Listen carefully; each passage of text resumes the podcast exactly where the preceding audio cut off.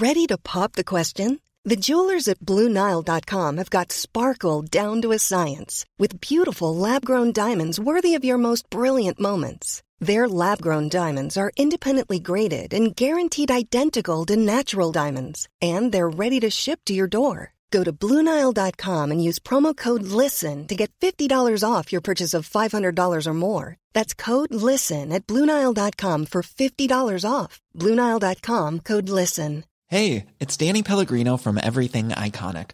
Ready to upgrade your style game without blowing your budget? Check out Quince. They've got all the good stuff shirts and polos, activewear, and fine leather goods, all at 50 to 80% less than other high end brands.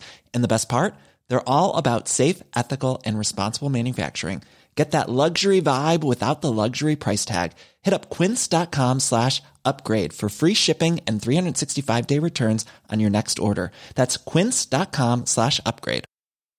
This is Paige, the co-host of Giggly Squad, and I want to tell you about a company that I've been loving, Olive and June. Olive and June gives you everything that you need for a salon quality manicure in one box. And if you break it down, it really comes out to $2 a manicure, which is absolutely insane. It's also so easy to get salon worthy nails at home with Olive and June. The difference between how your nails used to look when you did them yourself and now with the Manny system is a complete game changer. The best thing about Olive and June too is it's a quick dry, dries in about one minute, lasts for five days, and full coverage in up to one to two coats. Visit oliveandjune.com slash perfectmani20 for 20% off your first system. That's oliveandjune.com slash perfectmani20 for 20% off your first system. Velkommen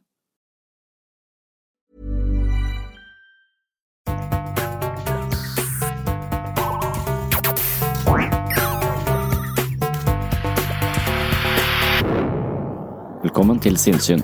Jeg heter Sondre Risom Livre, er psykolog, og dette er Webpsykologens podkast. Hverdagspsykologi for fagfolk og folk flest.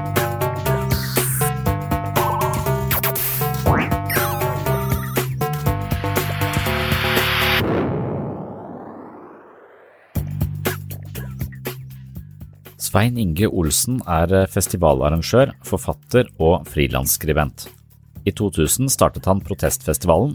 Jeg har deltatt på denne festivalen ved et par anledninger, og jeg har lært Svein Inge å kjenne som en uhyre interessant og original person.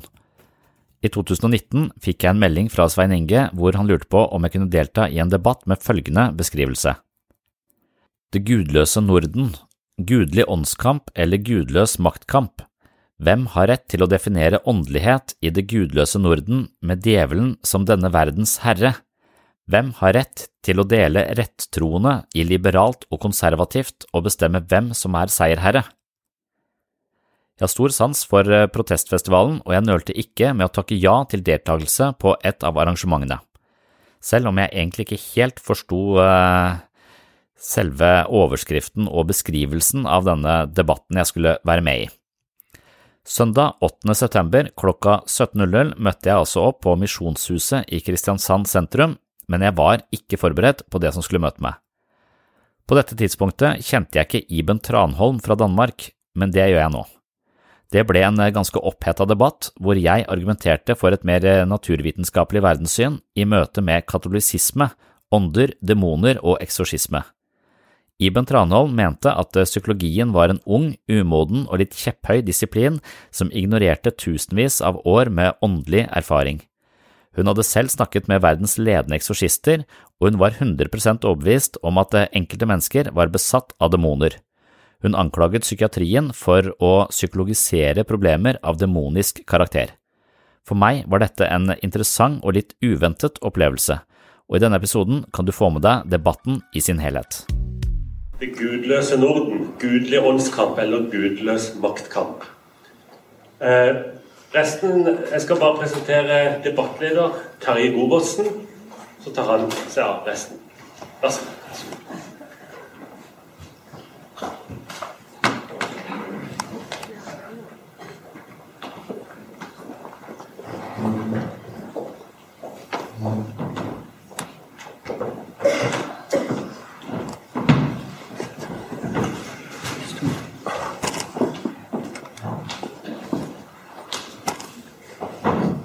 Så bra. Flott å se så mange. Og panelet er nesten fulltallig. Det er en til på vei eh, som eh, skal være en del av panelet. Og så har vi dessverre fått to forfall pga. sykdom. Så kommer ikke Viggo Abrahamsen, ei heller Andreas Nordli. Men dette panelet kommer til å gjøre en strålende jobb, og forhåpentligvis så skal vi klare å belyse et viktig og ganske krevende tema, som dere hørte på overskriften 'Det gudløse Norden' osv. Gudelig åndskamp eller gudløs maktkamp. Som han sa, mitt navn er Terje Gårdsen. Til daglig gjør jeg bl.a. en ting at jeg sitter hver morgen og prøver å gjøre Norge til et litt bedre sted. Jeg snakker direkte på radio 316, og det er faktisk eh, veldig givende. Fra 06 til 0900 fikk vi med det. Jeg har lyst til å si til dere som er her, at uh, hvis dere har mobiltelefon, så uh, pass på at den er slått av eller er i stille modus. Ok? Dette skal nok gå sømmelig for seg, vil jeg tro. Vi er i Misjonshuset. Der gjør det som regel det. Eh, men eh, jeg håper også, hvis vi får tid, eh, kanskje det blir en liten åpning for spørsmål helt mot slutten. Vi får se. Det er en ny panelsamtale klokka syv i kveld. Aller først en liten presentasjon av panelet som for noen er kjent, andre er mindre kjent, og kanskje for noen igjen helt ukjent. Første mann her ved min høyre side, Oskar Skarsaune. Professor i kirkehistorie ved Det teologiske menighetsfakultet i Oslo. Han er eh, ja, han har forskningsområder eh, om den eldste kirkens historie og nyere norsk kirkehistorie bl.a. Han har gitt, mange, gitt, ut mange vitenskapelige publikasjoner, skrevet flere bøker, og den som ble gitt ut i fjor, der etterlyser han bergprekenens Jesus. Tom Kristiansen, for mange kjent. Han var også her i seansen før vi begynte her. Kjent gjennom TV. Han har eh, vært mye der. Han er journalist, han er forfatter, han er NRK-korrespondent i inn- og utland. Radioreporter, og vi kan sikkert plusse på veldig mange ting. Vært kommunikasjonsrådgiver for Sør-Sudans president. Det er ikke så verst, vil jeg si, for en nordmann. Han har utgitt flere bøker, og senest boken 'Da Gud skiftet mening'. 50 år som forandret Kirken. Den ga han ut for øvrig sammen med Trond Bakke-Wien. Så har vi eh, ja, skal vi si eneste kvinne og eneste danske i panelet. Det er Iben Tranholm. Eh, hun er eh, teolog, debattør, journalist og sikkert veldig mange andre ting. Men det er i hvert fall noe av det som preger i hvert fall det vi kan lese og se om henne. Katolikk. Og eh, var også folketingskandidat for partiet Stram kurs nå i, eh, under valget i sommer. Et parti som vi kan lese en del kritisk om fra den kanten. Så det er jo fascinerende å da ende opp med å være representant og stå på valg til Folketinget. Det gikk ikke helt veien, men likevel.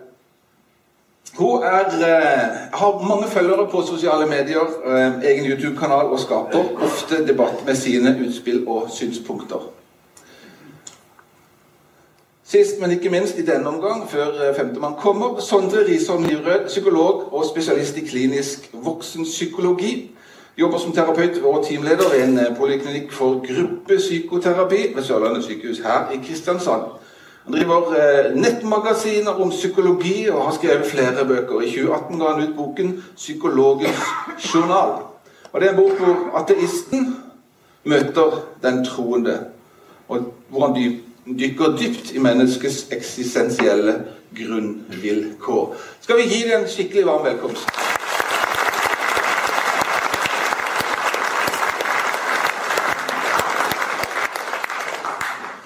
Vi skal prøve å belyse dette ganske krevende og mangfoldige temaet som er satt opp. og Vi skal snakke om åndskamp og gudelig eh, maktkamp, eller mangel på sådan. Så kan vi jo eh, holde på lenge. Men for her vet jeg at eh, de har mye på hjertet. Men vi skal prøve å holde oss innenfor noen enkle temaer, så vi i hvert fall har en viss retning på det vi gjør. Skal vi bare veldig kort snakke om eh, demokrati. Vi skal ikke snakke veldig lenge om det, men vi må legge et lite fundament i forhold til demokrati. Det har vært en del av debatten under protestfestivalen. Er vårt demokrati i fare? Er det utsatt? er det ikke. Det er delte meninger om det. Og Går det an å snakke om demokrati, eller må man snakke om det eh, når det gjelder eh, også dette med åndskamp og åndelighet, eh, Oskar Svartøne? Det var et vanskelig spørsmål. Vi må begynne der for å ta det videre. Um, det er ingen tvil om at uh, det er tale om åndskamp i Bibelen og hos Jesus. Men det Jesus er mest opptatt av, og det åndskampen på mange måter står om for han, det er hvordan vi behandler hverandre her i verden. Det er på mange måter veldig mye etikk når Jesus snakker om kampen mellom denne verdens form for makt, den som rår i menneskenes riker, og den makten som er representert, og den kraften som er representert ved Guds kongerike, som han gjør til hovedordet i sin forkynnelse.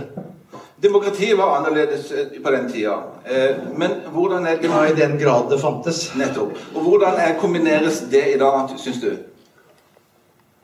Um, jeg tenker at um, det Jesus sier i en situasjon der demokrati var fullstendig utenfor horisonten, er veldig relevant i alle mulige styringsformer, også i et demokrati, og kanskje ikke minst i et demokrati. For demokratiets kjennetegn er jo at vi til en viss grad styrer hverandre at vi til en viss grad har makta sjøl. Og hvordan innretter vi oss da med hverandre og i forhold til hverandre? Eh, det tror jeg er veldig relevant. Og jeg tror at det Jesus sier i bergprekenen, er verdier som ikke blir mindre aktuelle i et demokrati. Kanskje enda mer.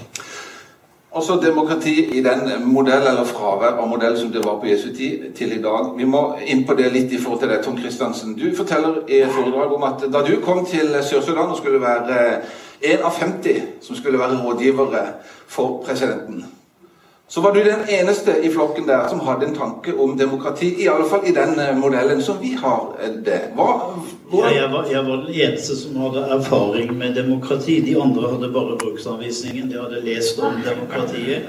De hadde aldri prøvd det. Hadde aldri blitt vraka i et valg. Hadde aldri opplevd sånne, sånne ting. Nei, men I et land da som kanskje er sterkt religiøst, og hvor det er mangel på den type demokrati og erfaring, hvordan, hvordan gikk man inn i arbeidet?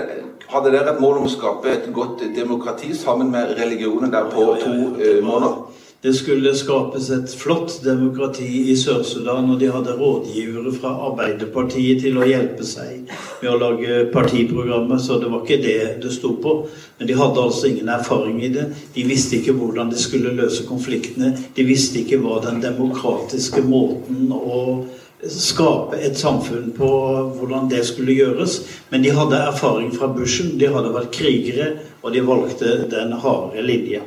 Men jeg kan jo kanskje legge til i dette at kristne i Norge er jo ikke, var jo ikke demokratiets store forsvarere.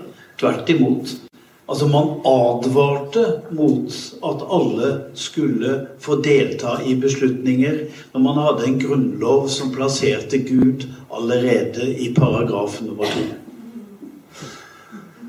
Er det sånn i Danmark òg, Iben Franholm? Altså, jeg synes, jeg håper alle kan bestå dansk. Fordi tit når jeg er i Norge eller Sverige, så blir jeg bedt om å tale engelsk. Så hvis det er noen der heller vil jeg tale engelsk, så vil jeg gjerne det. Jeg, det er fra båten til Jylland. jeg prøver å tale langsomt. Jeg synes at det er en meget stor øh, fare at vi gjør demokratiet til en ny religion. Fordi at øh, det er demokratiet slett ikke skapt til å kunne bære. Demokratiet er jo ikke værdibestemt på forhånd. Altså, Forskellige folk og forskellige politiske holdninger kan jo komme til makten. I Danmark har vi lige hatt et folketingsvalg øh, hvor vi så øh, at øh, muslimer øh, organiserede seg og stemte på en måte som de ikke hadde gjort før, og fikk øh, så venstrefløjen valgt ind. Øh, og højrefløjen er øh, i Danmark på mange måder ødelagt efter det her valg. Den anden side af sagen, det er bare, et, det, er bare et, et eksempel på, at demokratiet ikke er værdibestemt på forhånd. Det, der er ved at ske i vores samfund, det er jo, at der er opstået et åndeligt vakuum.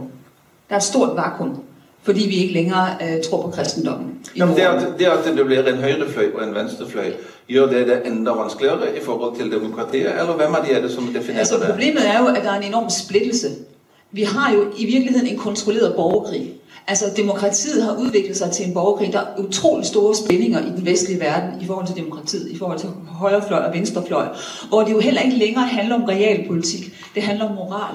Det handler om, hvem der er hadefulde, hvem der er, er onde, hvem der er gode, og hvem der har retten til at definere det gode menneske. Og grunden til, at venstrefløjen valgt valget i Danmark, det var fordi, at de har sat sig på retten til at definere, hvad et godt menneske er. Så politik i dag handler utrolig meget om moralske værdier, det handler også om religion på mange måder. Det handler egentlig ikke om politik særlig meget mere. Men demokratiet er blevet gjort til en religion. Og det er meget farligt, hvis man stiger sig blind på det, fordi at demokratiet lever af værdier. Og hvis ikke man har nogen værdier, så har demokratiet et kæmpe problem. Og det er det, jeg tror, at vi skal forholde os til i Norden og i hele Europa. Det er, at os, som er vesterlændinge, øh, det gælder hele Europa, ikke Østeuropa, men Vesteuropa, vi har simpelthen ikke længere øh, nogen rigtig fast forestilling om, hvad vores værdier er. Og det er enormt farligt for demokratiet. Verdier og demokrati. Eh, hvordan er det som psykolog, Sondre Eliverød? Eh, eh, betyr demokratiet noe for en psykolog som snakker med mennesker som kanskje er på jakt etter verdier, eller mangler de? Ja, jeg syns det er veldig komplisert, og jeg kanskje ikke helt forstår, Jeg er ikke noen samfunnsviter, så jeg syns det er vanskelig å svare på det spørsmålet. Men i den grad jeg er opptatt av uh, politikk så, som, og psykologi, så må det være det faktum at mennesket er veldig lett å hacke. Eh, og vi lever i en tid hvor mennesket hackes eh, bare mer og mer. Altså, det var en studie som ble gjort av en som heter David Pizarro i forhold til eh, hvorvidt de er konservative eller liberale, sånn rent eh, politisk sett, og hvordan de svarer på spørsmål. Da tok de en haug av mennesker, og så ga de mange hundre spørsmål om politikk. Eh, og så tok de de samme menneskene eh, og stilte de de samme spørsmålene noen måneder senere. Eh, og forskjellen var at eh, i den første seansen så lukta det søppel i rommet, og da svarer folk mye mer konservativt. Og så i neste omgang så lukter det blomster i, i rommet, og da svarer de mye mer liberalt. Da er vi mye mer åpne, vi er ikke så fremmedfiendtlige, vi er mer inkluderende. Hvis det lukter vondt, så er vi mer sånn Vi har en følelse av forakt som gjør det, en sånn eh, ekkelhet, så vi sånn sykdom vi må holde det unna. Så, så på en måte det Da blir vi mer konservative politisk sett. Altså hvordan det lukter i valglokalet kommer til å spille inn på om du stemmer Frp eller Rødt. Eh, Så det syns jeg er interessant. Eh, Så, sånn sett så, så bør vel, hvis vi da ikke har noe sånn felles referansepunkt, eh, som hun snakker om verdier, så jeg er ikke sikker på at det er de kristne verdiene vi skal ha, men at vi har en annen felles referanseramme å forholde oss til, så er vi kanskje litt mindre sårbare for all denne hackingen. For hvis ikke vi har noe felles verdigrunnlag, så vil eh, Netflix gi oss det. Eh, Og de vil gi oss helt forskjellig verdigrunnlag, og det er jo Kanskje vi klarer oss med det. Men tror du det lukter vondere nå enn det gjorde for en del år tilbake i det landskapet? Jeg mistenker at kanskje høyresiden vet om dette, eller det veldig konservative mennesker vet om det og planter et eller annet eh, i, i valglokalene, sånn at folk blir stadig mer eh, Det er Arbeiderpartiet som deler ut roser, du må huske det. Det er Arbeiderpartiet som deler ut roser til velgerne. Jeg får minnepenn av Høyre. Vi har fått siste paneldeltaker her, og jeg skal kort fortelle hvem det er. Jan Inge Jensen. Han er professor ved Institutt for strategi og ledelse ved Handelshøyskolen ved Universitetet i Agder. Jensen er eh, tidligere instituttleder og visedekan. Og han har eh, lang erfaring som forskningsassistent, forsker, førsteamanuensis og rådmann. Og han rådgir og styreleder flere virksomheter, bl.a. kristne privatskoler. Velkommen igjen. Applaus.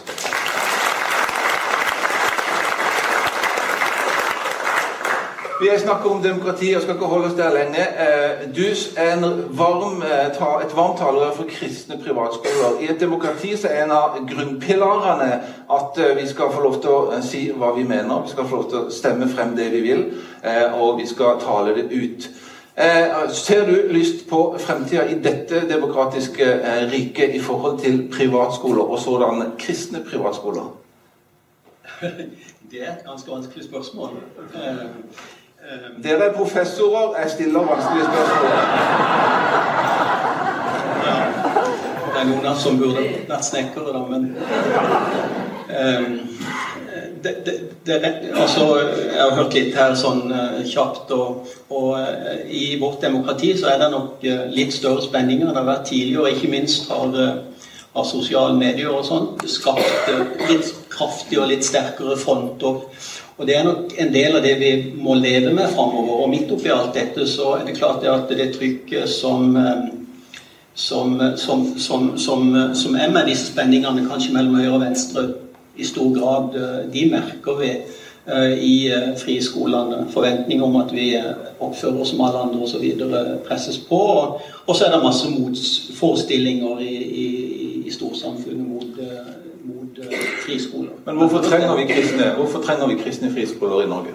Ja, vi, vi trenger uh, ulikhet, rett og slett. Vi trenger altså muligheter for at foreldre, for at uh, ulike mennesker skal kunne, kunne velge for seg og sine egne barn fritt. Så er det viktig at vi har kristne friskoler. Som det er viktig at vi har Steinerskoler eller andre skoler. Det å ha for, forskjellighet, det må vi i et samfunn kunne leve med. Eh, og vi må kunne eh, Hvis ikke så blir det ikke noe reelt i ytringsfriheten, i demokrati osv. hvis vi ikke tar sjansen eh, på, på, på, på det. Og muslimske friskoler? Koranskoler? I utgangspunktet så mener jeg jo at ytringsfriheten og friheten innenfor demokrati skal strekkes veldig langt. Men det finnes noen grenser. Eh, og hvor de er, de kan vi kanskje snakke om uh, seinere, for det er, det er et, uh, et, vanskelig tema. Men, men, mitt utgangspunkt er at det skal være mulig å starte ulike skoler.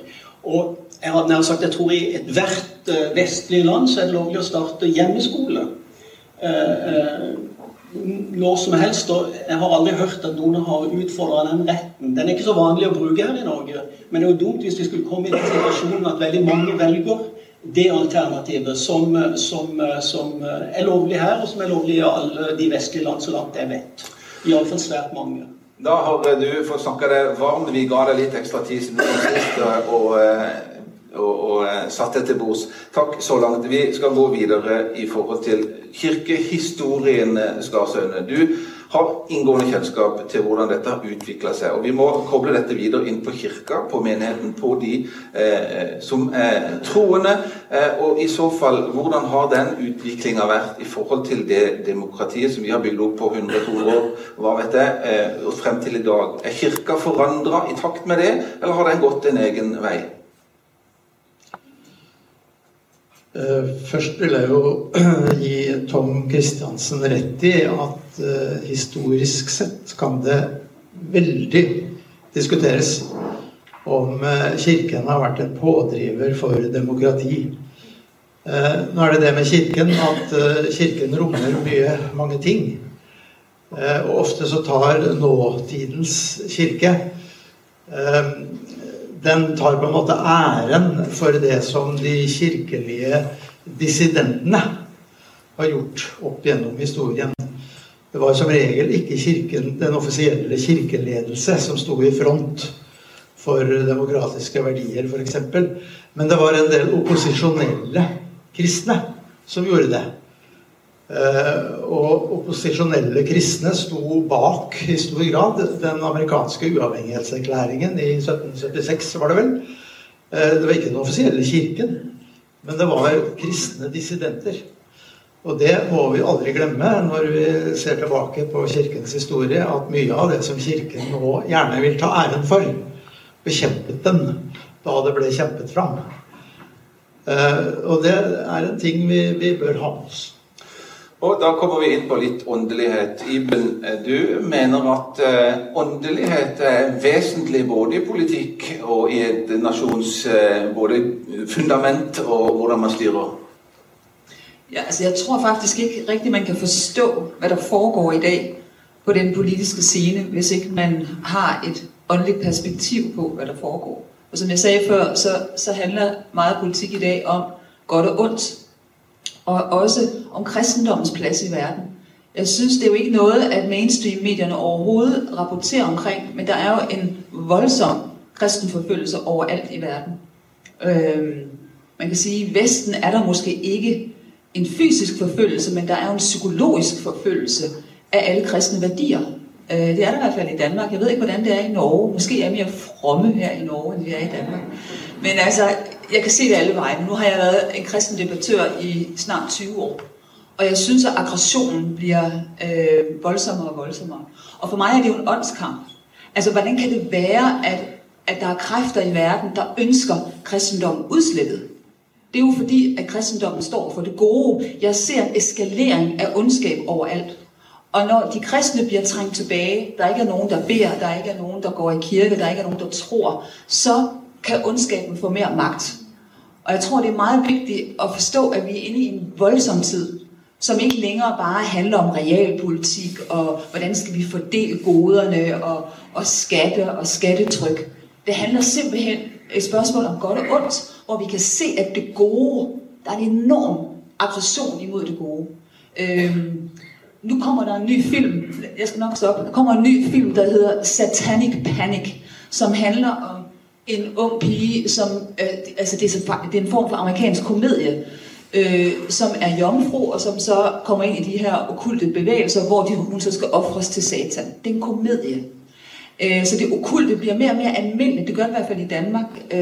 Utrolig mange unge mennesker, at der er interesseret i de her ting. Og de jo, jeg var i går i en debat i Dansk Radio, Problemet er jo, at der er en hel generation, der ikke er opvokset med nogen kristen tro. Så de har ikke nogen dømmekraft i forhold til, hvad er ondskab? Hvad er godt? Hvad er ondt? Og, og jeg tror, det er det, man skal være opmærksom på i vores tid, meget mere end omkring, som jeg sagde, altså nogle helt almindelige realpolitiske eh, temaer. Men hvem skal definere hva som er godt og vondt? Eh, fordi at eh, noen vil si at det det er høyre- og venstresida, det er rødt eller blått, det er forskjellige nivåer av det. Hvor skal den definisjonen ligge? Jamen, jeg mener jo, i, i den vestlige kultur har vi et kompass for, hva det er godt og ondt, og det er Bibelen og den kristne tradisjonen. Og, vi, og hvis vi går vekk fra det, og den her relativisme, vi har, hvor at, at, at godt er blevet til ondt, og ondt er blevet til godt, så ser vi en enorm forvirring i samfundet. Og det skaper et vakuum, som islam kommer ind og fylder ud, fordi de ved præcis, hvad der er godt og ondt, for det står i Koranen. Og de er meget stolte af det, og de lægger ikke skjult på det. Så vi er meget svage på grund af relativismen. Så hele fritænkeriet, som jeg også ved, at I har mange fritænkere i Norge, øh, det var godt så lang tid, man kunne leve på en arv for kristendommen. Men nu er arven brugt op, og så kommer der en anden religion og tage over. Jeg syns dette er eh, veldig forvirrende, fordi signalene jeg får Jeg kjenner ikke de eksemplene du nevner, men jeg syns det, dette er veldig motsetningsfullt. Vi snakker om at samfunnet avkristnes, og vi kan dokumentere at det er færre som døper barna sine. Samtidig ser vi at det er stadig flere som kaller seg kristne. Det er flere som eh, går til nattvær. Det er flere som slutter opp om disse tingene. Og samtidig så ser jeg at venstresiden i Norge interesserer seg jo mer og mer for de kristne verdier som Kristelig Folkeparti på mange måter har tatt patent på. Altså kristne verdier i betydningen lignelsene, bergeprekenen, eh, det moralske kompasset som Jesus stiller opp er det på venstresiden i norsk politikk stadig større interesse for. Men de har jo vært plaget av humanetikere som jo har okkupert ledelsen eh, både her og der. Men i dag ledes jo landets største parti, Arbeiderpartiet, av en eh, troende kristen. Jeg ser mange tegn til folk som melder seg inn i kirken. De meldte seg ut på 70-tallet i protest mot abortloven. Nå er de tilbake igjen. Det er større mulighet for å snakke om det religiøse aspektet. Og så har vi masse motkrefter som eh, jeg lettest ser identifisert med kynismen. Mangel på gjestfrihet og mangel på inkludering. Eh, du sier venstresida har de verdiene, og eh, kanskje da eh, ikke fullt ut i forhold til eh, valg av eh, kristne friskoler. Men, eh, du... ja, men det er jo ikke et tett, testspørsmål på avkristningen. Nei. Men vi snakker om Gud, vi snakker om godt og vondt. og, og Iben sier Bibelen skal være grunnlaget for det, den definisjonen. Eh, Hva tenker du som psykolog? Psykologien eh, ønsker i utgangspunktet Det sies iallfall med de store overskriftene at den vil fjerne gudsbildet. Eh, og snakker lite om åndelighet i studiene. Hvordan forholder får du det til det som Iben sier? Blir sånn smånervøs av det, på en måte. Jeg tror jeg min sånn psykologisk forståelse av godt og ondt er egentlig bare at eh, når vi gjør ondt, så er det fordi vi har et ego i underskudd som trenger noe fra omgivelsene. Så, så, det er en underskuddsposisjon hvor vi kjemper til oss noe. Eh, og gode mennesker eh, de har fått nok kjærlighet, og de har fått det, det de trenger. Så de har et ego i balanse, og da går vi fra å ha egobehov til mer metabehov, som det kalles, eller altruistiske behov. Eh, så, så når, når, det legges opp til en sånn litt sånn eh, det, det onde mot det gode, eh, og de er onde og de er gode, så, så vil det for meg bare rett og slett forsterke alt som er ondt da, i verden. Den typen steile, steile fronter. Så, så, det vil være det, motsatte av godhet for meg, den typen retorikk som jeg hører fra, fra venstresiden. Eller fra høyre venstre Min venstre side. ja. men altså når jeg hører, hvad du siger, så kommer jeg til at tænke på, at, at venstrefløjen har jo på mange måder kabret eller sat sig på retten til at definere, hvad kristendom er. Og kristendom er blevet politisk. Forstået på den måde, at man jo kun er kristen, hvis man går ind for indvandring, man går ind for klima, hvis man går ind for transgender, hvis man går ind for homoseksualitet, og man er rummelig. Man skal være inkluderende. Hvis man som kristen øh, tillader sig at have det modsatte synspunkt, og man trækker nogle, bib nogle bibelske, moralske ting frem, så er man ond. Så er man øh, ude i det, man kalder hate speech. Og det vil sige, at venstrefløjen har jo politiseret kristendom. Og det synes jeg er virkelig, virkelig, virkelig forfærdeligt. Altså, at det, altså, at det selv i kirker i dag er sådan, så hvis ikke man har den bestemte politiske, korrekte holdning, så bliver man af andre kristen kaldt for ukristen. Og den politisering skal man have ud af kristendommen. Det synes jeg er, er, er rigtig, rigtig trist. Og så vil jeg lige sige til dig, den her psykologisering af specielt ondskab, tror jeg er problematisk, øh, fordi øh, jeg mener, ondskab er et mysterium, og der er noget overnaturligt. Der er noget, man ikke kan forklare socialpsykologisk, som er ondt, fordi det er ondt. Og det beskriver Bibelen jo også. Det beskriver hele den kristne tradition. At både det gode og det onde, Guds kærlighed, men også ondskaben, har en overnaturlig dimension, en mystisk dimension, som vi ikke kan forstå. Altså, vi kan ikke altid forstå, hvorfor noget er ondt. Vi kan ikke, altså, vi kan ikke altid bruge vores, vores fornuft, ja, det, når det må, vi skal det må, forstå, hvad det onde er. Svar kort på det. Ja, og igjen, den, den, måten å tenke på uh, har jeg støtt på mange ganger hos mange pasienter som uh, har blitt uh, definert som det finnes noe vondt i deg, og det skal drives ut. Så jeg har hatt pasienter som har vært i ulike menigheter og måtte stå på alter og spy til de spydde grønt, for der var Jesabel, en sånn forførerisk demon. Og når jeg får dette mennesket på kontoret, så merker jeg også at dette er en dame som er veldig forførende. Hun er på en måte litt sånn flørtende i måten å være på. Men hvis du ser på historien hennes, så er hun seksuelt misbrukt av eh, en hel haug av folk eh, i nærmeste familie. Så det eneste hun har som verdi, det er kropp. Når hun på en måte tenker at jeg er et verdiløst menneske, med mindre jeg bare viser, uh, viser deg hvor flott kroppen min er, som, og hun gjør også på mitt kontor, så kan vi forstå det på en helt annen måte enn at det er noe ondskap i henne. Så med en gang hun forstår som denne onde, denne, dette onde mennesket i denne menigheten, så begynner det med all mulig slags overnaturlig sprøyt som skader dette mennesket dypt og inderlig. Så den måten å forstå ondskap på er er jo ekstremt uvitenskapelig og farlig i mine øyne. Oskar, du har studert kirkehistorie. Eh, vi klapper helt til slutt, så ikke vi eh, definerer underveis her. Eh, men du har jo studert kirkehistorien. Eh, den utviklinga i forhold til hvordan man ser på som eh, rett og galt, godt og ondt, eh, deler du noe av det som Iben forteller her? Jeg føler at jeg er dypt uenig. Jeg har lest mye kirkehistorie. Og ofte så tegner vi et bilde av eh, kristendommen som islams motsetning.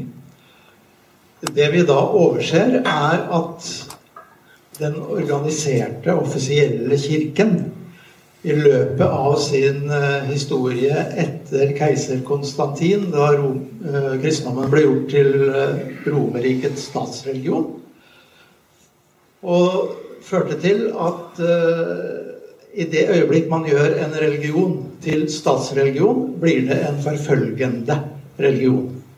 Jeg kjenner ikke noe historisk unntak fra denne regelen. Og kristendommen ble en forfølgende religion fra samme øyeblikk som den ble gjort til romersk statsreligion.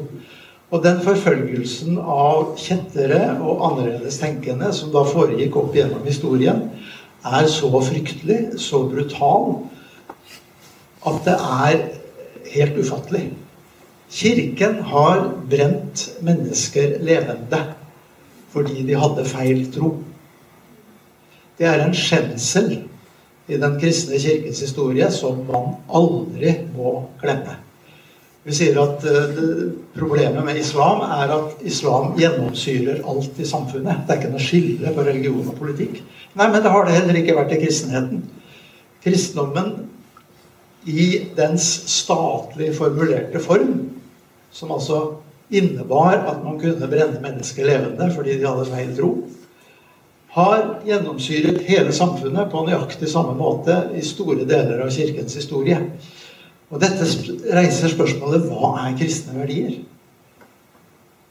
Når de fører til den slags ting. Det er noe man har glemt da. Og det er omtrent alt som Jesus sa i bergprekene. Ja, og Er det der man skal finne svaret på hva som er kristne verdier? Jeg mener det.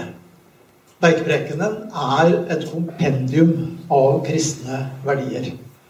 Og det er mye som må bli annerledes i samfunnet vårt hvis det skal funderes på kristne verdier. Jan Inge, du har sagt eh, på eh, Oslo Symposium her tidligere at eh, det foregår en kultur- og åndskamp i denne tid.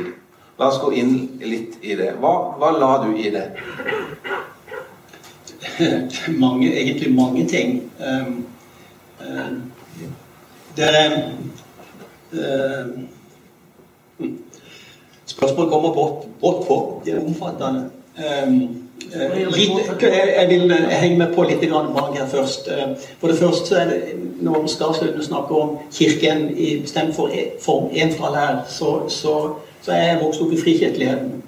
Eh, og eh, generasjonene bakover i, i min slekt eh, kjempet for demokratiet. Og ofte imot Kirken i bestemt form, entall som du refererer til. Og, og, hvis de ser rundt oss i verden, så er det ikke sånn at alle kirker har vært statsdrevne eller har kjempa for eh, å, å, underbygge eh, statsmaktens autoritet.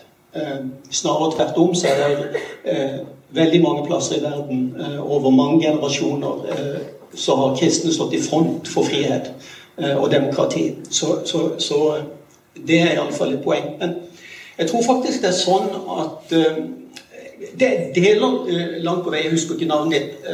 Synspunkter her. For det er i stor grad sånn at venstresida over veldig mange år har, har, har er i ferd med å gjøre et forsøk på å dressere folkemeninga på en måte som, som jeg syns er problematisk. Og, og, det gir seg utslag i at man ønsker å fjerne friskoler. Det gir seg utslag at man ønsker å stoppe holdninger eh, som, er, som representerer tradisjonelle verdier. Eh, som, som, du nevnte flere eksempler på. Men det som er vanskelig her, det er jo det at eh, i det øyeblikket vi bruker på en måte statens autoritet her, at vi ikke lar frihet og demokrati styre, så får vi, så får vi en eller annen form for totalitær autoritet som ikke er nødvendig, og, og som, er, som, er, feil. Så Derfor er det vanskelig, den grenseoppgangen mellom hva eh, vi som statlige myndigheter, som samfunn, eh, bestemmer og hva som individene skal ha frihet til å kunne velge. Der er det noen utfordringer vi, vi, vi må ta på alvor. Og så benekter ikke jeg heller uh, sidemannens utfordringer her, med eller problemer med at mennesker har brukt uh, har feil. Og, og i, i, det eksempelet som uh, du beskrev nettopp nå, så, så, um, så, um, så, er det jo ikke noe tvil om hvem som var onde. Og, og, at det var ondskap involvert i, i, i den historien, hjelper meg vel. Og den tror jeg ikke begrunnes den er enig med. Nei, men det, det, det, du sier, og som alle er innom altså, Vi må sette en grense. Vi må definere hva som er rett og galt, etikk og moral. Hvem skal sette en sånn grense, Tom Kristiansen, etter ditt skjønn? Da kan vi se på siste 50 års kirkehistorie i eh, Norge, men også internasjonalt. Hvor, eh, og det begynte i Uppsala i 1968 med Kirkenes verdensråds generalforsamling som var begynnelsen til at Kirken fikk helt andre ideer. Og også Kirken byttet ut, moderniserte, oppgraderte det man kan kalle kristne verdier. Og det første skritt var kampen mot apartheid, som ble begrunnet religiøst av kirkene i Sør-Afrika de store kirkene i Sør-Afrika. Deretter var det kamp mot atomvåpen. Så har det vært miljøvern. Det har vært klimaspørsmål, og det har vært omsorg for flyktninger, som har vært viktige eh, saker for Kirken. At også venstresiden har interessert seg for dette, betyr ikke at venstresiden har bestemt hva Kirken skal mene. Det, dette er sammenfall av, uh, i tidslinjene. Det vi samtidig jo har sett, er at den bevegelsen, den sosialetiske vekkelsen som gikk gjennom Kirken, den gikk jo ikke gjennom frikirkene i særlig grad. Selv om det der var i mellomkrigstida veldig radikale bevegelser, ikke minst innen eh, pinsebevegelsen. Så at det i dag er en radikalisering av det siden det kommer fra Kirken selv. Men hvis vi da eh, vil ha en kjapp runde nå på eh, ja-nei-spørsmål Skal man holde atskilt kirke, eh, eh religion og politikk? Ja, i hovedsak så skal han det, men det er ikke et, det er, det er ikke, det er ikke et ja-nei-spørsmål. Men jeg er frikirkelig. Jeg tror på et skille mellom stat og kirke, hvis det er det du spør om. Og det bør være ganske sterkt, ja. Ja. ja. Jeg tror ikke, man kan holde religion og politikk adskilt. Fordi at øh, folk, som er troende, går jo hen og stemmer til valget. Og det er klart, at deres tro påvirker, hvordan de sætter deres kryds. Så det, det er en utopi, at vi kan skille det ad. Men må jeg godt lige få lov at komme med en kommentar til det før? Jeg synes, øh, i forhold til psykologi og kristendom, altså psykologien er som videnskab måske omkring 100 år gammel. Øh, den kristne kirke er 2000 år gammel og har en erfaring gennem masser af teologiske tænkere, masser af filosofer, har tænkt over de her spørgsmål, har altså nedskrevet det. Kirken har en tradition. Jeg har selv været på en af de pavelige universiteter i Rom og studeret det, der hedder dæmonologi, som er læren om ondskab, læren om, om, øh, om dæmoner, og har interviewet øh, Vatikanets chefeksorcist, som har lavet 70.000 eksorcismer. Og når man snakker med de præster, som har så indgående en erfaring med menneskers erfaring af ondskab, øh, så er der altså et større perspektiv. Og jeg synes, det er en skam, at du ikke er mer åben over for, at der ligger altså 1900 års tradition bag det, du sier, som du måske godt kunne bruke i din praksis. Og når folk kommer til deg og sier jeg føler, at jeg er angrebet av noget ondt, kunne det jo være, at de hadde en erfaring, at du skulle ta alvorligt. Men det er bare, jeg synes bare, det er synd, at du er så lukket over for, at den kristne kultur, som har givet os så meget, at det er fuldkommen øh, altså umuligt, at der kan være noget samarbejde. Jeg synes også, når jeg hører her, jeg, jeg, bliver nødt til lige at sige noget, jeg synes, der er en ting, der er trist. Jeg har siddet i mange af den her slags debatter, og jeg hører alle de her selvangreb imod den kristne kirke, altså en form for selvhad. Vi har så travlt med at skælde ud på kirken. Der er ikke nogen, der snakker om, alt det gode, kirken har givet europæisk kultur. Det er hele tiden den her selvafvisning, selvhad. Jeg synes ikke, det, og jeg, prøv at lade mig to sætninger. Jeg synes, det er synd, at vi er kommet ind, for det må du vide som psykolog, at det er ikke sundt at afvise sig selv. Det kommer ikke noe godt. Men det, det, vi kunne snakka lenge om alt det gode, og jeg bare tar Sondre litt i forsvar. For han eh, har satt en diagnose på seg sjøl om eh, eksistensiell uro. Og har åpnet seg ganske mye opp. Du har en egen podkast sammen med en pastor og snakker om disse spørsmålene. Ja, og så, For det første så blir differensialdiagnostikken mellom eh, psykose og demonbesettelse problematisk for oss i psykisk helsevern, fordi vi møter stadig vekk dette her. Jeg har aldri jobbet på en psykiatrisk avdeling som ikke har en reinkarnasjon av Jesus, så at han kanskje har kommet tilbake allerede, det er sannsynlig, men det er innlagt. Eh, eh, så, så, så, det er det flåsete uh, poenget. Men, men, akkurat denne typen retorikk som, som kommer herfra, liksom, det er grunnen til at jeg ikke er religiøs. Altså, det er derfor jeg får en avsmak på dette her. Mens når min, min, min vei inn liksom, Jeg definerte meg som rasshølateist, hadde bare dårlige argumenter mot religion, visste ikke hva det dreide seg om. Og så, og så, begynte jeg å uh, oppsøke menigheter og være deltakende. Møtte mange fantastiske mennesker som hadde en helt annen dybde. Og, og jeg mener at de også går ut og sier at Jesus er kult og sånn i 17. mai-toget, det er en dårlig idé. Kjempedårlig idé. Det er ikke kult. Det, det, kan være dypt. Det kan finnes en dybde her som er mye mye mer sofistikert enn demoner og ondt og godt. Altså, det finnes historier som bebor altså, Joseph Campbell kaller det universets sanger. det. Så, ja, Joseph Campbell kaller det universets sanger, som er sunget av tusenvis av mennesker og akkumulert så mye erfaring som vi er nødt til å spare i forhold til. Men da må vi vekk fra dette her som skremmer folk vekk fra det religiøse.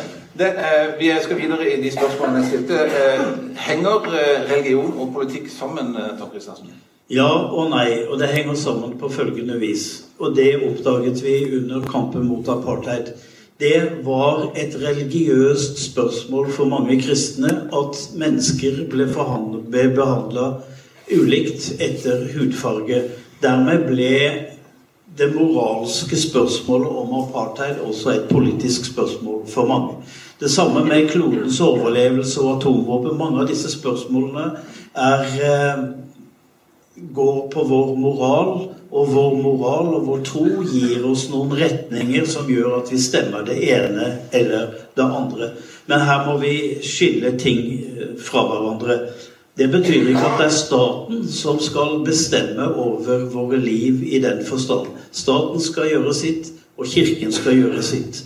Og mye av det du etterlyser, Iben, er, er oppgaver som jeg syns skal ligge til Kirken.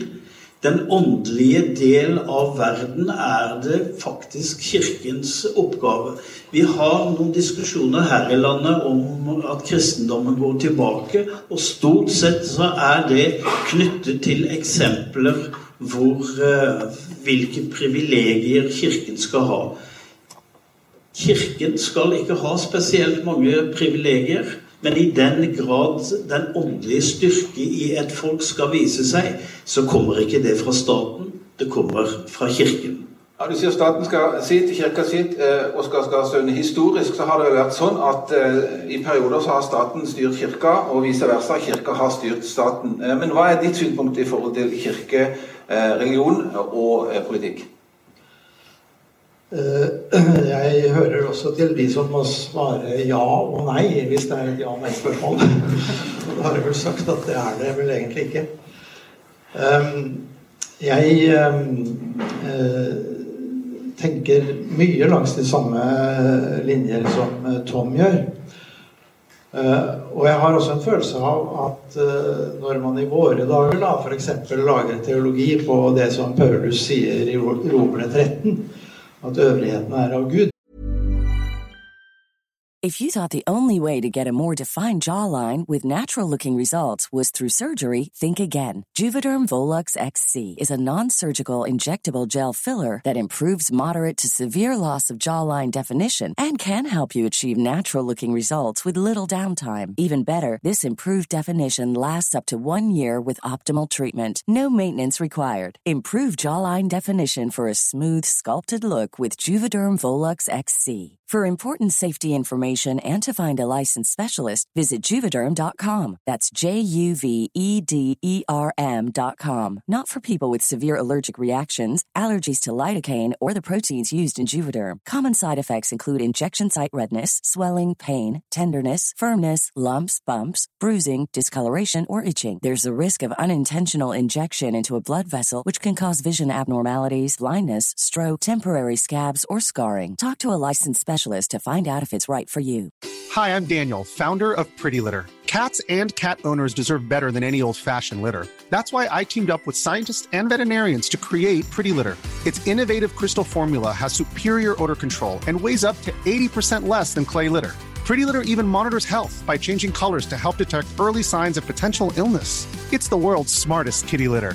Go to prettylitter.com and use code ACAST for 20% off your first order and a free cat toy. Terms and conditions apply. See site for details.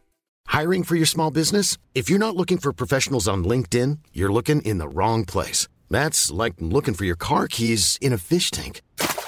LinkedIn helps you hire professionals you can't find anywhere else, even those who aren't actively searching for a new job but might be open to the perfect role. In a given month, over 70% of LinkedIn users don't even visit other leading job sites. So start looking in the right place. With LinkedIn, you can hire professionals like a professional. Post your free job on linkedin.com slash people today. Eh, Så tenker man at det betyr at øvrigheten skal være kristen. Hvilken øvrighet var det Paulus sa det om? Det var om keiser Nero. Om Nero kan man si mye rart, men kristen var han ikke. Ikke veldig. Eh, Og i den tidlige kristendommen var det faktisk sånn at eh, alt man sa om øvrigheten, handlet om en hedensk øvrighet. Og en hedensk øvrighet kan være aldeles utmerket hvis det går om det å holde orden på det ytre i samfunnet. Holde eh, samfunnet innenfor visse lover og regler og hindre at det blir kaos, eh, som er det største av alle onder. Eh, Sånn tenker Paulus, sånn tenker alle de bibelske forfatterne egentlig. Altså Hedenske konger kan gjøre en utmerket jobb i, i Guds verdensstyre. De vet det bare ikke selv. Og av og til gjør det litt mer enn Gud ber dem om. Og da går det galt. Altså eh, Vi må hele tiden eh, skjelne mellom tro og politikk. Men det betyr ikke at det er vanntette skott. Men at kristendom kan fremmes med maktmidler, altså med lov og tvang, det har jeg slutta å tro på. Men altså, hva, hva, hvor skal vi da eh, ta dette bibelverset fra eh, Paulus, som han sier til Efeserne, at vår kamp den er ikke mot kjøtt og blod, men eh, mot makter og myndigheter i himmelrommet. Eh, eh, Iben sier at eh, uten den åndelige kampen, så altså vi er i ferd med å dø åndelig, mener, mener hun. At det finnes ingen politikk uten åndelighet. Altså, Hvem skal kjempe den kampen da, som Paulus refererer til? Er det bare de kristne som på sine områder skal gjøre det, eller henger dette sammen? Ja, han skriver jo til kristne.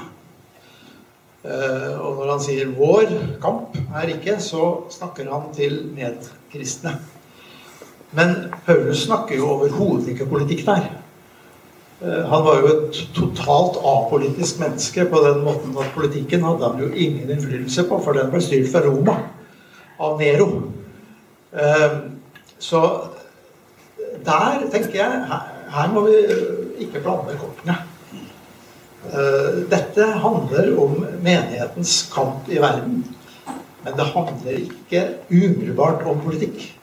Og jeg tror at vi skal være veldig forsiktige med å plassere godt og vondt i åndskampen i politiske kategorier og plassere den eh, mer til venstre eller mer til høyre. Eh, det er en helt annen problemstilling, og der kan vi komme til å gjøre veldig store feilvurderinger. Og vi gjør oss selv til Gud, egentlig, når vi eh, fender sånne dommer. Sander Lirød, eh, det fins i forhold til godt og vondt. Du trekker frem et eksempel eh, fra kirke. og Det fins sannsynligvis også eksempler fra din bransje hvor mennesker har møtt eh, tilsvarende ting. Men hvem skal eh, etter ditt skjønn definere godt og vondt? Hvor skal man finne de eh, eh, levereglene?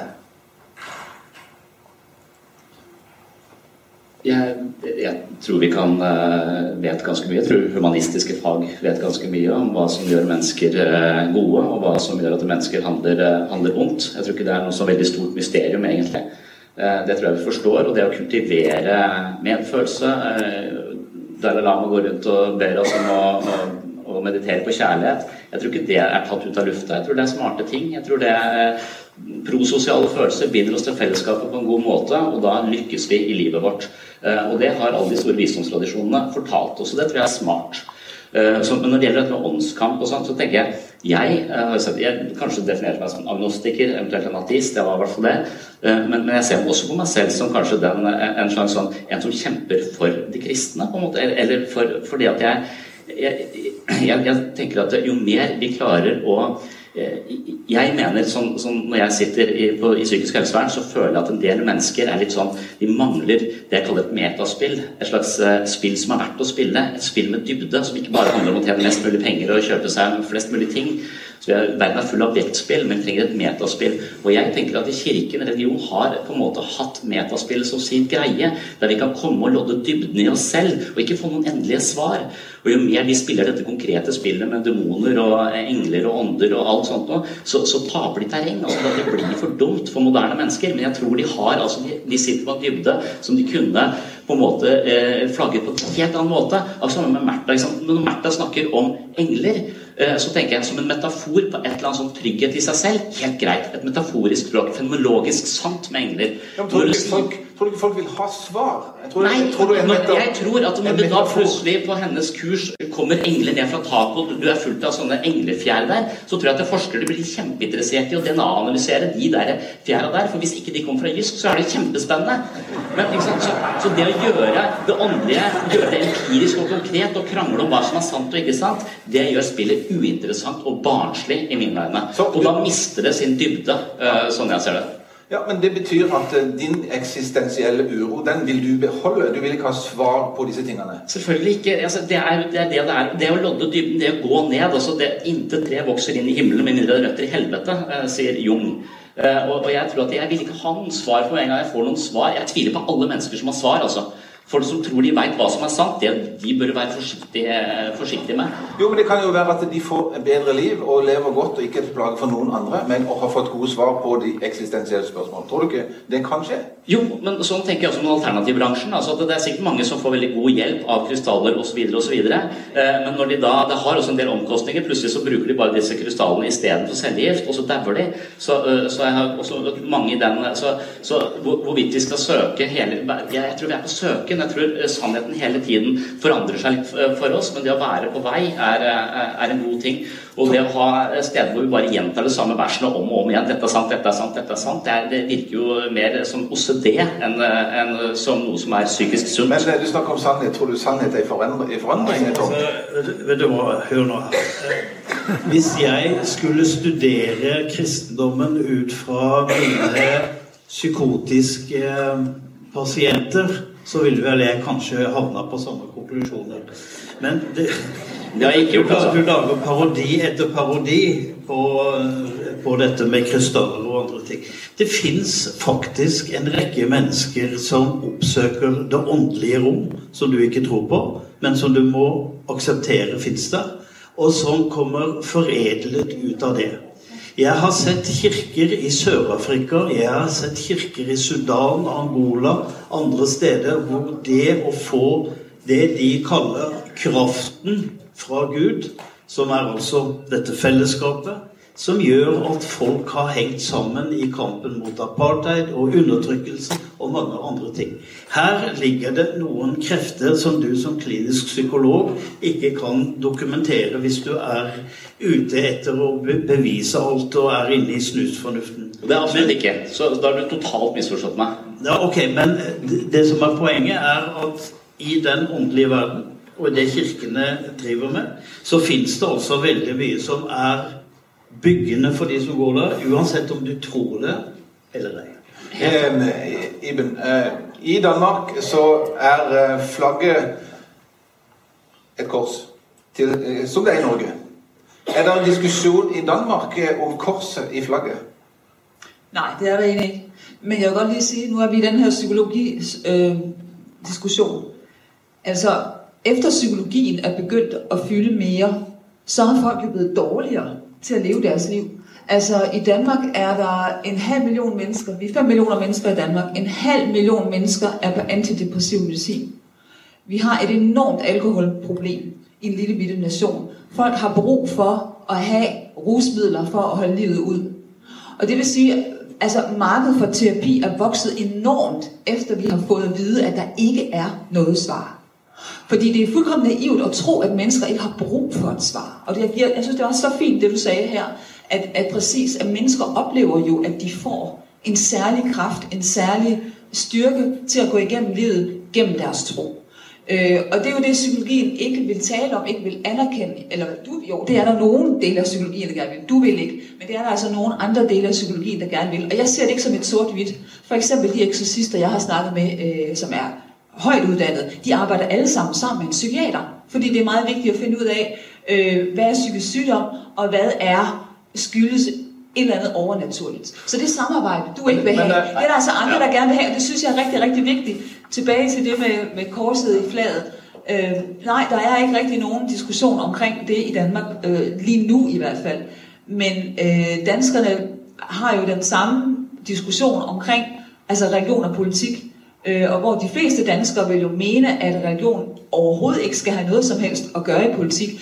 Altså, kristendemokraterne, som tidligere hed Kristelig Folkeparti, de har ikke kunnet komme inn i Folketinget nu i efterhånden 10-15 år. Fordi der simpelthen ikke er stemmer nok. Så den her diskussion omkring, om kirken skal bestemme, altså kirken har jo slet ikke den magt. Ikke engang kristendemokratier, nu ved jeg ikke helt, hvordan det er. Måske står de bedre her i Norge, end de gør i Danmark. Så der er jo ikke rigtig nogen kristen til at fylde den rolle ud, og det synes jeg er et problem. Det burde vi have noget mere af. Grunnen til at jeg stilte spørsmål flagget var egentlig for å flytte fokus litt fra det som etter hvert begynte å bli ganske intens. Men nei, vi må holde oss litt til, Sondre. Du, du er jo litt åpen for åndelighet. For du skriver i en artikkel at du vil ha mer åndelighet inn i undervisninga når det gjelder psykologifaget. Ja, jeg er, eh, men, og jeg vil skille det jeg mener, at det, det, er en skille mellom det som er empirisk sant, og det som er fenomenologisk sant. Det går an å være fenomenologisk sant. Det betyr at jeg også går inn i et kirkerom og får en eller annen form for kraft i meg. Jeg får en følelse, jeg får en opplevelse som gir meg noe, som gjør at jeg endrer kurs i livet mitt. Jeg drømmer noe. Jeg tenker at jeg må, jeg må passe bedre på sønnen min. Han sklir fra meg nå. Liksom. Jeg disse Jeg, jeg er jeg vil se på en sånn åndelig ateist. Så jeg mener at alt det religion har å by på, er en slags fenomenologisk sannhet. Men det er ikke empirisk sant. som en gang du begynner å si at det, ja, men det, det er bevist at Med en gang du begynner å forske og rasjonalisere rundt disse åndelige dimensjonene, eller påstå at det finnes demoner osv., så, videre, og så, videre, så gjør du det konkret. Du, du, du får fjær ned fra taket. Men hvor kommer, de, hvor kommer de tankene fra da når du går inn i kirkerommet og får disse eh, Hvor kommer det fra da? Ja, det, det, tenker jeg ligger i veggene der. Det er tusenvis av uh, sanger sunget av alle mennesker til alle tider. Akkumulert kunnskap på en måte, og livsvisdom uh, som er en viktig bærebjelke i, i et, et, menneskeliv. Og jeg tenker at de er litt åndelig fattige. Altså, jeg, jeg, tror også at du, kunne hatt et jeg, jeg, tror du får mye ut av å lese Dostojevskij eller Sartre eller, eller, eller, hva det skal være, men det finnes ikke noen kapeller som driver og forkynner uh, Dostojevskij hver søndag klokka 11, så vidt jeg vet. Men hadde det vært det, altså et sted hvor vi får lov til å lodde dybden i oss selv, kanskje stillhet, alle disse eh, tingene som kultiverer vårt indre liv, og som ikke er sånn kjas og mas objektspill, det kan Kirken tilby, og det mangler vi. Men når de snakker om demoner og ondt og, ondt og godt og, og, rett og galt og ti bud og ikke sånn, da, da, blir det jo fullt av dommer. Hvilke kirker er det du går i? Jeg hører aldri noen som snakker om demoner noen steder. Du lager Nei, noen du, du siden her, jo. Du sitter ved siden Når jeg refererer til demoner, så er det fordi hun snakker om det hele tiden. Prøv at høre, prøv at høre, du, du er meget, meget ophidset over, at jeg bringer det på bane. Altså, det er, prøv at høre, det er en del af, prøv. Prøv at høre, det er en del af kirkens teologi. Jeg sidder ikke og siger, at alle er dæmonbesatte. Jeg sidder og snakker om ondskab, og jeg sidder og siger, at ondskab har, at der er noget overnaturligt. Der er et overnaturligt aspekt i ondskab. Øh, du kan jo heller ikke empirisk få bevis for kærlighed. Det kan du ikke. Nej. Men du kan se, at det fungerer i ægteskaber og i familier, men du kan ikke, du kan ikke sige, okay, jeg har beviset for, hvornår der er kærlighed. Det er det, så det kan du heller ikke. Ja, men uh, Janne Jensen, du har uh, studert mye kirkevekst, du har reist mye rundt og sett uh, menigheter vokse osv. Er det fordi at det er mye eksorsisme og demonsnakk at de vokser, eller er det andre grunner til det? ja, Svaret på det er at det, det er ikke grunnen at det er mye av den slags. Uh, det er nok noe av den slags. Uh, bare et lite poeng. Kristentroa er ikke postmodernistisk. Uh, den er reell. Den snakker om at mennesker som er enkeltindivider trenger tilgivelse for synd, konkret synd. Og de kan finne nåde fordi at det er et menneske som er kommet til jorda, er dødt. Og, og, og, og, det å psykologisere eller gjøre dette til noe slags begrepsdiskusjon, det, blir, det, det, er ikke kristentro. Uh, kristentro er, er noe virkelig. Uh, og hvis en ikke får fatt i det elementet i to av oss, så, så, så, så har en misforstått ganske grundig. Bare et lite poeng. Altså, ja, spør, hvilke menigheter her går altså, det? Dette at det blir så konkret det, det, er jo rundt oss hele tiden. Det er snakk om homofili, kan gifte seg ikke? Det er, det er avsporing, det er barnslig i mine øyne. Og det er det fullt av i de religiøse miljøene. Og det synes jeg det ser, det ser, hvor jeg ser det overalt. hele ja, tiden. Ja, Vi skal ikke gå inn i teologi, som blir tema da. Men det har vi lyst til å gå litt videre inn på nå. Fordi, ja. Bare en replikk til det, det, det han sier der. Det er jo, jeg hadde nær sagt eh, jeg har ikke noen tilhenger av, av, av rørete ting rundt i eh, det som har med åndskrefter og sånne ting å gjøre, og, og, og demoner og så videre. Men det er ganske mange misjonærer som har, eh, har fått et no, noe annet syn på realitetene i ondskap når de har reist eh, noen meter og sett mennesker som virkelig har vært onde av, av onde ånder. Og, og, at det fins, og at det er en utfordring um, som, som, som det fins åndelige virkemidler mot det er overbevist om at det, det er en sannhetsgehalt i. Og en må se ganske mye av Bibelen hvis en ikke tar med seg det elementet i det kristne troa. Så skal en være veldig forsiktig uh, på det området, fordi at en letter lett dumme ting. Var det i forhold til det han sa nå, Tom? Ja, det er i, i forhold til det. For det jeg har lyst til å, å, å legge til som et aspekt her om ondskap. Mennesker er onde. Ja, det har vi mange eksempler på. Men jeg vil også minne om en annen ondskap som ikke er like lett identifiserbar, men som er mer strukturell. Altså vi har lagd oss samfunn hvor noen mennesker går nedenom. Vi har lagd oss systemer eh, hvor uh, makt, penger og velstand blir fordelt på feil måte. Det er, altså, det er noe med strukturene vi har skapt, maskiner vi har skapt, som lever sitt eget liv etter hvert og som i praksis er en form for ondskap, det også. Ja. Vi skifte, før vi skifter litt eh, tema, så eh, skal, får du en veldig kort kommentar. Hadde du også en, eh, Sondre? I forhold til det, så er den veldig kort. Sondre først. Nei, det var ikke ja, ta, ta henne okay. først, så kan jeg svare på det. ja, jeg vil si, altså Hvis ikke at der finnes noe der er ondt, og riktig, altså overnaturlig ondt, så er kristendommen jo også fuldkommen ligegyldig, fordi hvorfor skulle Jesus Kristus op og hænge på et kors? Hvorfor er det det, der er symbolet på kristendom? Det er jo lige præcis den ultimative ondskab, at Gud selv bliver slået ihjel af ondskab. Øh, og det er meget, meget vigtigt, at hvis det ikke at, at, at, at, at, altså hvis ikke vi tror på det, så er kristendommen jo ligegyldigt. Fordi hvorfor skulle Jesus op på et kors, hvis alt er godt, og vi har bare har en psykologisk forklaring? Altså, ja. Så henger det jo ikke sammen. Ja, men jeg ser litt på, på Jeg har vært i ulike religiøse miljøer. og, og når jeg jobber som kliniker, så tenker jeg at når vi ikke klarer å håndtere følelsene våre, så blir det til kropp. Vi kutter oss i armen, vi drikker alkohol, eh, vi får hjertet slår, vi får vondt i magen. Det, blir, det er fysisk. Så psykologiens oppgave er å løfte det fysiske fra kropp til innsikt. og så løfte det opp i det mer abstrakte. Ja. Eh, og den samme bevegelsen syns jeg ser i eh, religion. Altså, og, og, de miljøene som er ganske abstrakte, der trives jeg godt. Der, der har vi eh, dype, stor, flotte diskusjoner. Mens der det er snakk om du skal gjøre sånn, ikke gjøre sånn, demoner osv. Så og jeg har aldri hørt så mye snakk om demoner. Jeg, jeg trodde nesten ikke det var ek, eksisterte så, sånn sett. Så, så, så, jeg er overrasket over at det, det faktisk er en, en tematikk. Ja. Og da lurer jeg på når han, når jeg går til fastlegen min og er hypokonder, eh, så sier han til meg, han er meg, så sier han at vet du hva, nå kan du få dette glasset her med tabletter. Det er 250 tabletter, så tar du én hver dag, for du har en veldig sjelden sykdom. Jeg har egentlig ikke noe sykdom, jeg er bare redd for å være sjuk hele tiden. Men idet jeg tar de tablettene, så har jeg klokketro på de, og så er det kjempebra i 250 dager uten noen uh, symptomer. Så det er veldig mange ting som hjelper meg. ikke sant? Og jeg kan kanskje tro på noe større enn meg selv, kan bli litt opp, mindre opptatt av meg selv, litt mer opptatt av andre. Kanskje det vil hjelpe symptomene mine. Det tenker jeg er gode på. altså Fokusere på noen andre, bare, bare oss sjøl. Så utrolig mye kraft som, som, er helsebringende og veldig godt for mennesker i disse tradisjonene. Men det er jo ikke demoner. Det er ikke, det er ikke noen fysisk demon. Det er ikke sånn som på Supernatural vi ser på, på Netflix. Det er, det, er ikke, det er, ikke, sånn dere mener. Nei, vi skal ikke, holde, vi skal ikke snakke bare om demoner det, eller hvilke ord man setter på det. Men eh, den må bli veldig kort, for vi skal bytte ja, tema. Jeg vil si, altså, det, den genre inden for litteratur, inden for film, der er allermest populær i øjeblikket, det er altså ting, der handler om overnaturlige fænomener.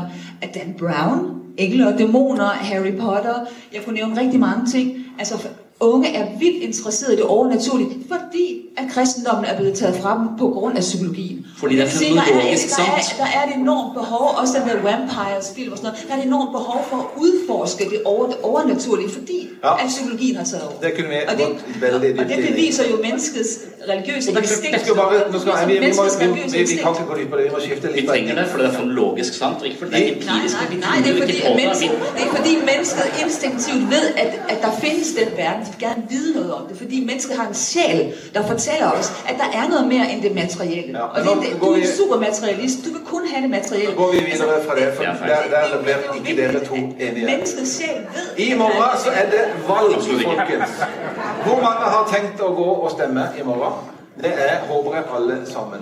Her i dette landet så eh, finnes det eh, en ed som skal avlegges av politikere. Eh, nå er det sånn at De kan velge eh, i forhold til den embetseden om de vil ha med den setninga som handler om eh, 'So help me God', som vi som regel ser på film, men som også gjelder her i Norge. Så hjelp meg Gud, den allmektige, allvitende. Det er en del av eden du må avlegge for å bli eh, verdig til å være statsråd her i Norge og gjøre det embetet. De fleste av de som styrer i dag, har eh, brukt den setninga. Vi vet noen som ikke har gjort det, av en eller annen grunn. Du kan altså velge det bort. Vi har i Norge fedrelandssalma. Elias Blix skrev eh, 'Gud signe vårt dyre fedreland'. En historiefortelling om Norge, opp og ned, og hvor Gud viser nåde osv. Vi skulle sikkert gjerne ha sunget den hvis uh, vi kunne gjort det, men det skal vi ikke gjøre. Uh, og vi har en nasjonalsang som forteller noe om Gud og Guds rolle. Gudsbildet Oskar Skarsaune inn i det politiske i dag, er det bare en formalitet? Gjør man det bare fordi det er historie? Eller tror du at det har en betydning for politikere og de som velges i dag, i forhold til den embetseden, i forhold til de sangene vi synger, og vi ber om at kongen skal bli signa av Gud osv. når Stortinget åpnes? Er det bare eh, formaliteter, eller har den en funksjon? Det går det i hvert fall, i hvert fall ikke an å svare på som fagmann. Det går ikke an å være fagmann på det. Eh, så der stiller jeg helt likt med ethvert eh, menneske og må bare si at eh, det, det kan jeg ikke svare på. Det er ikke vanskelig å svare på det. Nei, men Kunne vi liksom bare lagt vekk den embetseden? Kunne vi bare funnet og dikte en ny, friskere fedrelands Kalt det gjerne ikke salme, gjerne en eller annen form. Og funnet på en litt lystigere hurrasang til kongen når Stortinget settes. Jeg tror ethvert forsøk på å skrive en ny fedrelands... Altså en ny avgjelske, tror jeg blir mislykka. Uh, en sånn historisk ja, og hva betyr det? kan man ikke forandre på. Men uh, samtidig tror jeg det er sånn at de fleste av oss synger en del fraser i, 'Ja, vi elsker' med en slags sånn indre mental reservasjon. fedrene kjemper, og mødrene gråter. Um, altså, man synger ikke det av hjertet lenger. Uh, Nei, Mener du at resten av sangen heller ikke synges av hjertet? Jeg mener du at resten av sangen heller ikke synges av hjertet? Altså, jeg har litt problemer med uh, Har Den Herre stille lempet, så vi vant, vi vant og rett. Uh, da sier vi jo at Gud var part i saken når Norge sto i forskjellige politiske konflikter. Uh, og det er jeg ikke så sikker på. Uh, altså, hvis andre har problemer med at vi nordmenn syns Gud hjalp oss veldig bra når det gikk dårlig for dem, uh, ja, hva gjør vi da, egentlig? så jeg har litt problemer generelt med å koble Gud på nasjonalisme. Og jeg tenker at nasjonalisme og religion kan ofte bli en ganske giftig blanding. Eh, jeg syns vi har sett det f.eks. I, i Myanmar, hvor buddhismen nær sagt av alle Det er jo en fredningsreligion på mange måter, og det er sånn vi er vant til å tenke om buddhismen. Men når den kobles opp mot nasjonalisme, så kan det gå ganske voldsomt for seg i buddhismens land. Og jeg har blitt veldig, veldig engstelig for synteser mellom nasjonalisme og kristendom. Nasjonalisme og kristendom, eh, Tom Kristiansen. Du har reist mye i verden, mye i Afrika. Eh, hva eh, tenker du? Nasjonalisme, kristendom, nasjonalisme, Gud? Er det Nei, det, det der er litt pussig, fordi i Afrika er Gud en selvfølge fra horene til erkebiskopene.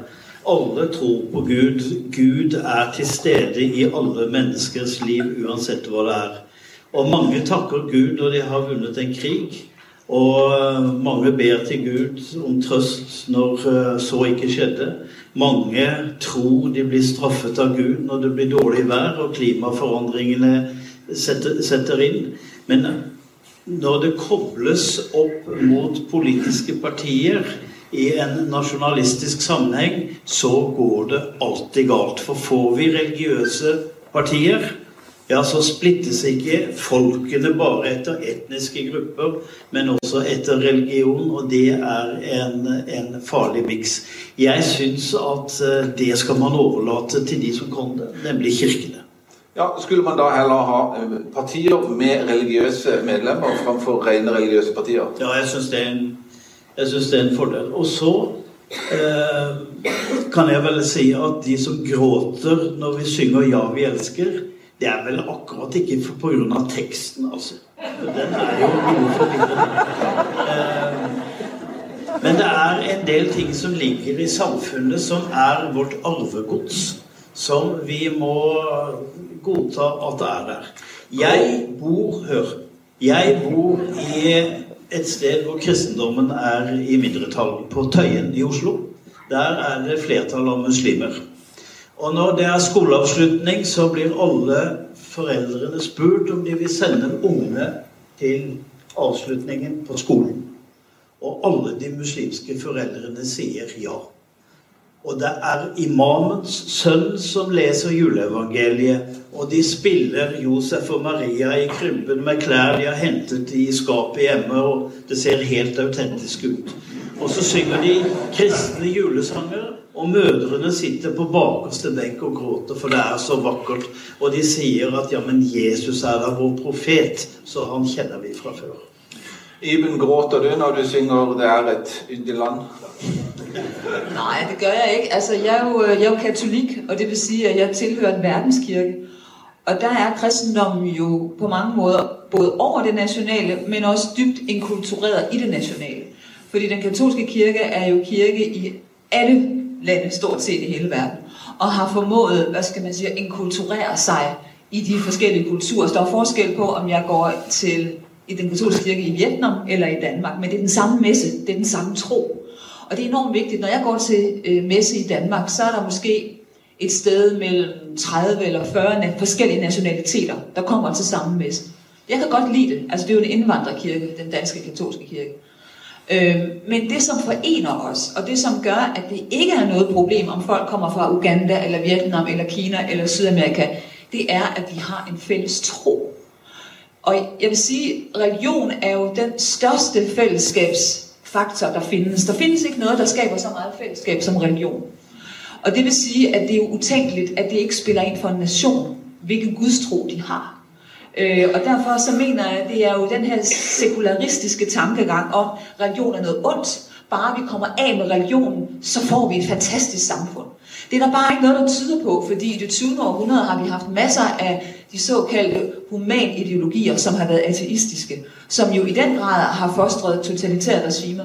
Så jeg vil sige, at, at det er jo vigtigt, at folk har en tro, og jeg synes, det er vigtigt, at der er en tro, der står over det politiske. Som netop samler en nation. Og det er jo det, vi mangler i dag, spesielt i Norden. Der er jo ikke noget, at der øh, samler os. Og det er jo derfor, vi oplever den her enorme splittelse i det politiske, fordi vi har ikke noget, der står over det politiske, som kan samle nationen. Det synes jeg er meget vigtigt. Sondre, hva er det som skal samle oss eh, som nasjon, hvis ikke det er religion?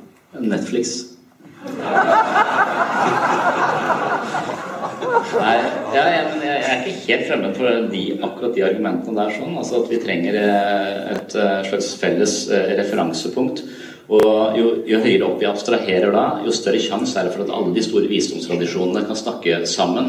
Og jo lenger ned, jo mer konkret du blir, sånn skal det være, sånn skal det ikke være, jo større sjanse er det for krig. ikke sant? Så, så jo mer sofistikerte varianter av de store visdomstradisjonene vi, vi klarer å kultivere, jo større sjanse er det for at vi kan eh, samarbeide på tvers av uh, uh, ulike religiøse eh, paradigmer og, og, ja, og, på tvers av landegrenser. Så, så jeg, jeg, tenker at vi, at vi, må ha respekt for alle.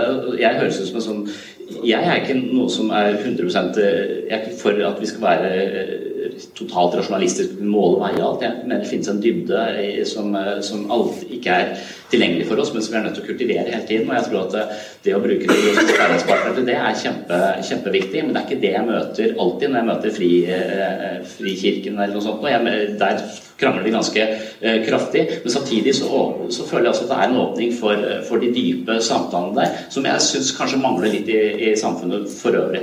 Så jeg, helt, jeg, tenker kanskje at vi trenger et slags felles referanse, referansepunkt, men eh, ja.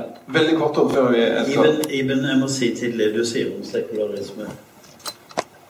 22. Eh, juli, da mer enn nærmere 70 tenåringer ble drept på Utøya. Da var nasjonen i krise. Hvor gikk folk? Da var den rasjonaliteten borte. Da gikk alle til domkirken. Alle la blomster foran domkirken, og de satt i domkirken. De søkte kirkene over hele landet. Og hvorfor gjorde de det? Man kunne jo godt kanskje heller dratt til Folkets hus, siden det var ungdom fra arbeiderbevegelsen. Nei, man valgte kirken. Og der gikk muslimer, der gikk hinduer, der gikk folk fra alle religioner for å søke et eller annet. Og det vi søkte der, var forskjellige ting. Men alle hadde den fornemmelsen at det er den bygningen som jeg trenger nå. Eh, Jan Inge Jensen, eh, vi synger fedrelandssalmen vår. Eh, vi har et eh, embetsen som du skal legge, og gjennom det som det politiske arbeidet skal legges til rette for. Også bl.a. det du kjemper for, kristne friskoler. Jeg har et spørsmål til slutt til deg. Vi må snart lande nå. Eh, men det er er det staten og det politiske miljøet sin oppgave å legge til rette for eh, kristentroa i Norge, eller burde man eh, legge opp til å klare den jobben sjøl? Det viktigste det offentlige gjør, det er å, legge, å, å, skape frihet for at uh, ulike uh, mennesker og former kan, kan, få utfolde seg i samfunnet. Uh, også, også, kristne, også kristne friskoler. Det, er et eller annet som En grenseoppgang der som er, er, ganske viktig for meg. På den ene sida så ser jeg at kristentro har samla vår nasjon over veldig mange år. Det er det mye bra med. Eh, eh, men, men jeg blir engstelig i det øyeblikket det eh, blir på en måte en del av maktapparatet i samfunnet vårt. Vi som enkeltkristne og som kristne menigheter må, må, må kjempe så lenge vi har pust, for å bygge Guds rike på jord. Men, men, det er ikke statens og det offentliges oppgave å gjøre. Men det å legge til rette for, det å skape frihet og mulighet for, det er det offentliges eh, eh, ansvar. Hvis Jesus levde i dag, hvilket parti hadde han stemt på? Det har ikke jeg Nå må dere følge med. Miljøpartiet De Grønne, tipper jeg. Gud, Gud taler til meg. Det ville vært Nei. Vi, vi, skal, vi skal lande nå, for vi, der finnes en ny debatt om å gå i Frikirka klokka syv. Men eh, helt til slutt Eh, så vidt jeg husker, da, korriger meg hvis jeg tar feil, men eh, Harald Blåtann, dansk konge, han eh, var kjent for å være god til å snakke til folk Han var god til å skape dialog. Han kobla mennesker sammen og løste veldig mye med dialog. Derfor ordet blåtann, eller Bluetooth, som det heter. Det er faktisk sant. Jeg trodde det var fordi de ikke hadde så gode tannleger på den tiden. Det er faktisk sant. Hvis du ser symbolet for Bluetooth, så er det kombinasjonen av de eh, bokstavene hans sine, Harald Blåtann. Men det er en helt annen sak. Men det var han kjent for. Dialog. Tom Kristiansen, du sier noe om afrikanske tradisjoner. At du må tilbake til når de gamle mennene samler seg under akasietre for å snakke sammen om eh, problemene og finne løsninger. Jeg har et spørsmål til deg. For en kan jo lure på etter denne samtalen om det fins noen vei ut av det å snakke sammen om problemene. Fins den? Ja, det er klart de gjør det. Det er jo, det er jo den måten vi treffer hverandre på. Um, samtalen, ja. Dialogen, ja. Den heftige diskusjonen, ja. Men hatpratet kan vi klare oss uten. Det var en veldig bra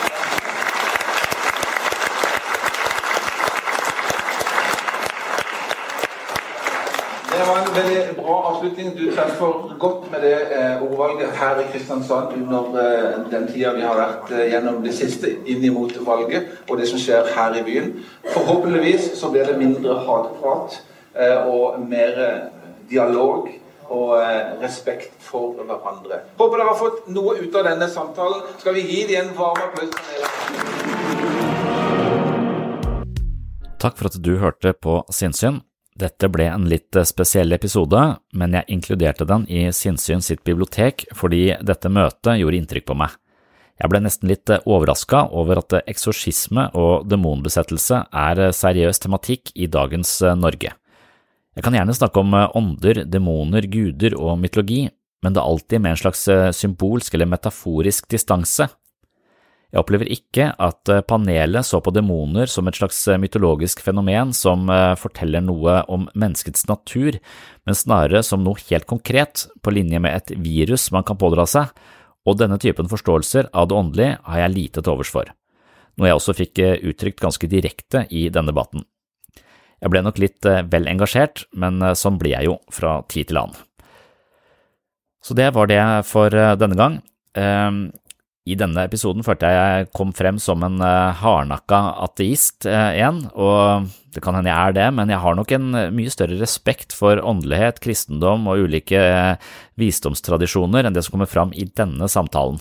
Og jeg har jo jobbet mye med dette, jeg har jo skrevet en bok som heter Psykologens journal, hvor jeg har vært i dialog med mennesker som tenker annerledes enn meg selv, men da ofte på et litt annet nivå enn det jeg opplevde i denne demoniske debatten. Jeg mener jo at man kan være en eh, kristen eller en eh, religiøs person uten å måtte forholde seg til eh, overtro og djevler og demoner på en sånn konkret og for meg litt barnslig måte, for å være helt ærlig. Så jeg har altså stor respekt for, for troende mennesker, men jeg har litt liten respekt når man tolker det som for meg åpenbart er en forferdelig lidelse, psykose, vrangforestillingslidelser osv., inn i et sånn demonisk bilde. Jeg har opplevd dette hos mange pasienter som har blitt utsatt for all verdens i en del lukka menigheter, hvor jeg husker spesielt en jente som måtte spy grønt på alteret, for hun var besatt av en demon som heter Jesabel, som var forførerisk. og Dette måtte da ut, dette faenskapet måtte ut, og denne eksorsismen den foregikk da foran hele menighetens skue. Og sånne type ting jeg, er jeg skeptisk til og redd for, og syns det er helt forferdelig at det, det foregår. Jeg kan godt forstå det, og, men, men, fenomenet er noe jeg mener at vi er nødt til å, å stå opp mot og prøve å bekjempe. Men det har ikke nødvendigvis vært min misjon da, i denne psykologens journal. Der har det vært mer å prøve å forstå den andres perspektiver og komme i en dialog som er litt mer konstruktiv enn den vi fikk det her på protestfestivalen i 2019. Yes, ok, da har jeg ikke mer å si uh, i denne omgang. Takk for at du følger eh, Sinnsyn. Håper at det kommer litt mer eh, alminnelige episoder eh, i tiden fremover. Det kan godt være det kommer en episode til om demoner og mørke krefter, men det er bare fordi det er jo også et litt interessant fenomen som psykologien også kan kaste en del lys over. Så mulig det kommer et par episoder til om det, men så er jeg vel tilbake i et litt vanligere spor med allmennpsykologiske problemstillinger for fagfolk og folk flest. Yes, på gjenhør.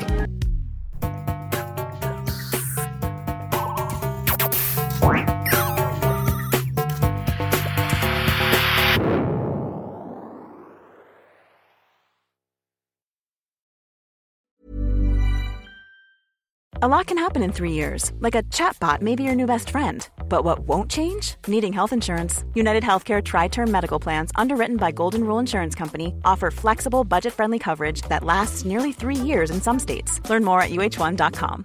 Imagine the softest sheets you've ever felt. Now imagine them getting even softer over time. That's what you'll feel with Bowl and Branch's organic cotton sheets. In a recent customer survey, 96% replied that Bowl and Branch sheets get softer with every wash. Start getting your best night's sleep in these sheets that get softer and softer for years to come. Try their sheets with a 30-night guarantee. Plus, get 15% off your first order at bowlandbranch.com. Code BUTTERY. Exclusions apply. See site for details.